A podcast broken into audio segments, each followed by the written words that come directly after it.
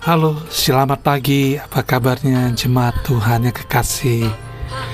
Firman Tuhan terambil dalam kitab Daniel pasal yang ke-6 ayat yang keempat. Demikianlah firman Tuhan. Mereka tidak mendapat alasan apa pun atau sesuatu kesalahan. Sebab ia setia. Bapak Ibu yang kekasih, kisah di dalam Alkitab yang mungkin Bapak Ibu juga tahu tentang seorang yang bernama Daniel di Gua Singa. Itu adalah sebuah kisah yang sangat digemari oleh anak-anak dan selain itu kisah itu juga memberikan sebuah pelajaran yang sangat berharga bagi saya dan saudara. Mari pagi hari ini kita lihat kembali iman dari seorang yang saleh bernama Daniel. Berdoa adalah tugas seumur hidup.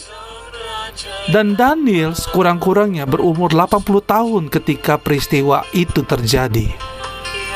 Dan firman Tuhan, kitab suci mengatakan bahwa ia selalu berdoa dan mengucap syukur kepada Allah tiga kali sehari. Seperti yang biasa dilakukan.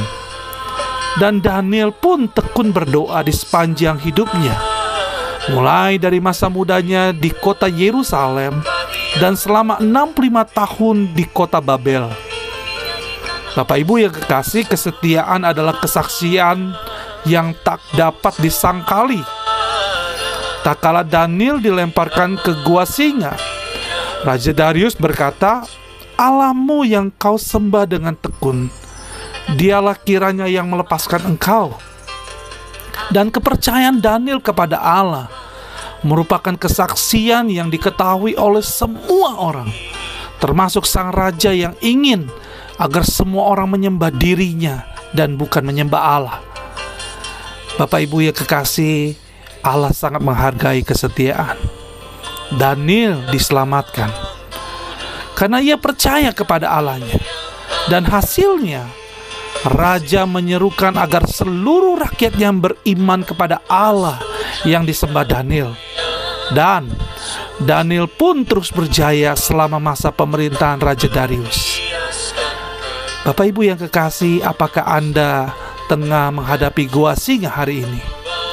Ingat bahwa kesetiaan Daniel dan berbuatlah sama seperti Daniel dengan mempercayai kesetiaan Allah. Kiranya hari ini Allah menguji iman kita supaya saya, saudara, dapat mempercayai kesetiaan Tuhan yang luar biasa. Akhirnya Bapak Ibu yang kekasih, ketika saudara bekerja, ketika saudara berusaha, bahkan ketika saudara melakukan seluruh aktivitas saudara, andalkan Tuhan. Percayai ya bahwa Allah adalah Allah yang setia. Selamat bekerja, selamat beraktivitas. Kiranya Tuhan Yesus memberkati kita semuanya. Amin.